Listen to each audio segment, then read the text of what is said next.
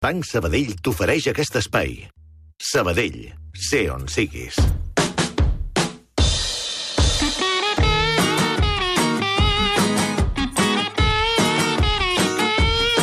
Atenció, perquè des de fa tres dies la ballem. La ballem perquè en pobre Quimi Portet va pujar amb un, amb un uh, vaixell de Baleària i va demanar un cafè amb llet. I quan el van atendre, li van dir, escolta, cafè amb llet eh, no ho entenc. Ho entenc amb totes les llengües, excepció fet en mallorquí i en català. Bum! S'ha disparat l'olla a Twitter. Evidentment, molta gent l'ha triturat, però ens ha trucat un oient, en Ramon Puig, que ens ha dit, escoltava fa una estona això i a mi em va passar el mateix Barcelona-Palma. Ramon Puig, bon dia.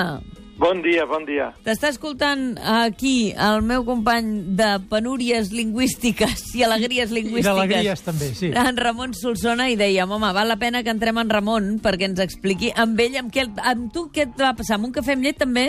Exactament igual. Ah, Amb tant un cafè amb llet? Com el de tornada. Va passar el mateix eh, igual amb dos cambrers que hi havia. Sí, sí. Això passa per demanar un cafè amb llet. Es demana un cafè i ja està. Sí, sí. Doncs ens va passar el mateix. A la tornada s'hi va afegir al grup la meva germana, que no s'ho creia, i vam dir, "Bé, ja veuràs, prova-ho. I exactament li va passar igual. Uh, més feien una cara de, de, de pocs amics i, va dir, eh, ens va semblar que hauria més no, no entaular una discussió perquè no haguessin entès res i encara... És com si els incordiessis el demanar-ho en, ca- en català. Ja, però, uh, escolta'm, Ramon, això era en Baleària o era en una altra companyia? Que- No, crec que era Transmediterrània, eh? De, Transmediterrània. De Palma a finals d'agost, sí. I, per tant, no heu posat cap reclamació ni heu dit res, no? Això que en aquell moment estaven tan escalfats que vam dir no, no, no ens discutim, però fem una reclamació, fem, eh, fem-ho saber. Però, bueno, llavors a l'arribar a casa, les presses, no, al final no vam fer res. Quin temps fa per vagar? Bueno, potser plourà a la tarda, està molt tapat. Molt bé. Ramon, moltes gràcies. Que vagi No, molt bé. Gràcies per compartir-ho. Doncs les penúries d'en Ra- d'en Ramon Puig són les d'en Quimi Portet i són les que tenen a veure amb una llengua que es polititza.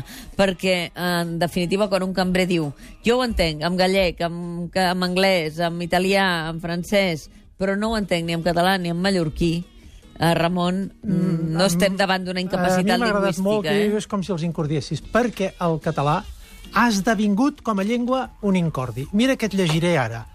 Eh, mucho cuidado con creer que las lenguas es solo vehículo a través del cual los hombres se comunican, porque también a través de ella se filtra el alma. Y a veces los virus para el alma. Qui va dir això? Adolfo Muñoz Alonso, procurador en Cortes franquista el 1970, en plena campanya d'Òmnium Cultural al català a l'escola. Aquest virus, això de, recordo que, les que va haver-hi una, una salva d'andanades contra el català, el Sí. virus que emponzoña la unitat, perquè llavors en deien llengües vernàcules i peculiaridades regionales. Això va oh, ser... perdona, encara, la- l'expressió peculiaridades l'he sentit tota la campanya. Sí. Eh? Catalunya tiene sus peculiaridades. Sí, tant, i I tant. singularidades, que és una altra versió. Però això d'assimilar el català a un virus va, va provocar tal terratrèmol aquí que Josep Benet, Albert Manent, tota una sèrie d'activistes es van moure i van fer que José María Pemán fes un article mític que es deia El catalán, un vaso de agua clara. Això, tot això va passar el 1970. Estem igual. És a dir, eh, s'ha convertit el català en una llengua eh, verinosa... Incòmoda. Incòmoda. Verinosa, ve- no, no, verinosa, tòxica per ella mateixa, de manera que les llengües no ho són. Les llengües són les llengües. Aleshores, quan eh, s'ha fet veure que una persona que s'adreça a una altra en català Mm. l'està intentant agredir. Recorda un episodi recentíssim de l'entrenador de criatures de ping-pong Sí. de ping-pong Sí, sí. que l'àrbitre veu que s'està adreçant a, a, als seus nens o nenes, no sé què eren, en català, i el va expulsar. Sí, però hem de dir que els oients que ens truquen, la gran majoria eh, no han tingut cap conflicte, ni amb Transmediterrània, ni amb Baleària, ni amb cap cafè amb llet, ni amb cafè amb gel. És a dir, que en parlem perquè és excepcional, però només el fet que hi hagi una o dos casos vol dir que hi ha un, tenim un problema de sensibilitat, d'hipersensibilitat amb les qüestions lingüístiques relacionades amb la política. Home, Eh, el cas del valencià i el català és Claríssim. una mostra claríssima. És que no fa gaire vaig rebre un missatge d'un oient, no ho havia comentat, però ara ho aprofito, per dir, escolta, he consultat una pàgina web oficial, no recordo de quin organisme, que deia si ho volia llegir en català, francès, espanyol o valencià. Mm. I ho vaig comparar, valencià i català, i era exactament el mateix.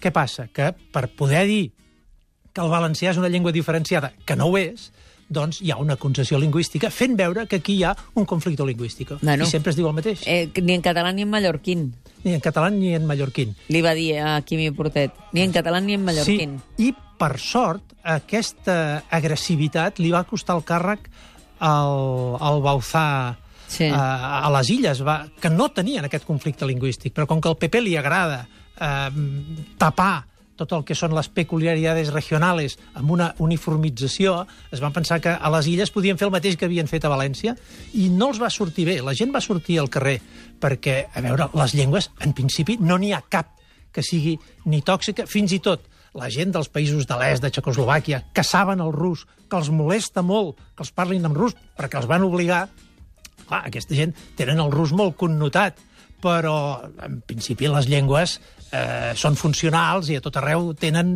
un ús per entendre'ns pel, pel cada dia. Clar que l'important és això. Eh, eh, Clar, eh, és això. Però hi ha un moment en què, per raons polítiques, com que la llengua és eh, un signe d'identitat, doncs, clar, quan tu reclames aquesta identitat, a més a més, de caràcter polític i de caràcter doncs, de- d'autodeterminació, escolta, jo vull tenir la meva llengua, vull tenir el meu país, vull tenir les meves marques d'identitat, doncs això es converteix en una bandera agressiva. Jo sentia avui els, els piulets que ha Les rebut... piulades de l'olla de Twitter. Sí, a, a, girant com un mitjó tot el que li ha passat a Quimi Portet, deixant-lo a ell com a agressor i no com a persona que té els seus drets vulnerats. Doncs uh, s'ha convertit en, en, una, en una revolució a la xarxa, realment aquest tema des de fa tres dies. Jo em pensava que això baixaria, perquè i al final uh, hooliganisme uh, en contra, diguéssim, han deixat el pobre Quimi Portet, que uh, l'hem trucat naturalment per parlar amb ell i no vol parlar-ne més, perquè Clar, un- d'una anècdota la- de la seva vida al final es convertirà sí, sí, en un drama. Jo no fa gaire, eh, per una qüestió d'Hisenda, em van enviar a una inspectora, una noia jove. Eh, eren tràmits, eh? I li explico, miri, què passa això, que. Em diu, en castellano, por favor. Què fas?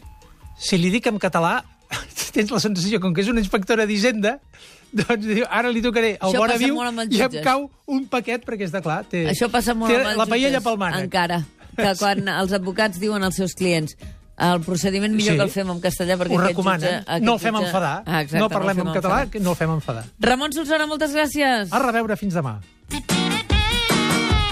Banc Sabadell t'ha ofert aquest espai. Sabadell, sé on siguis.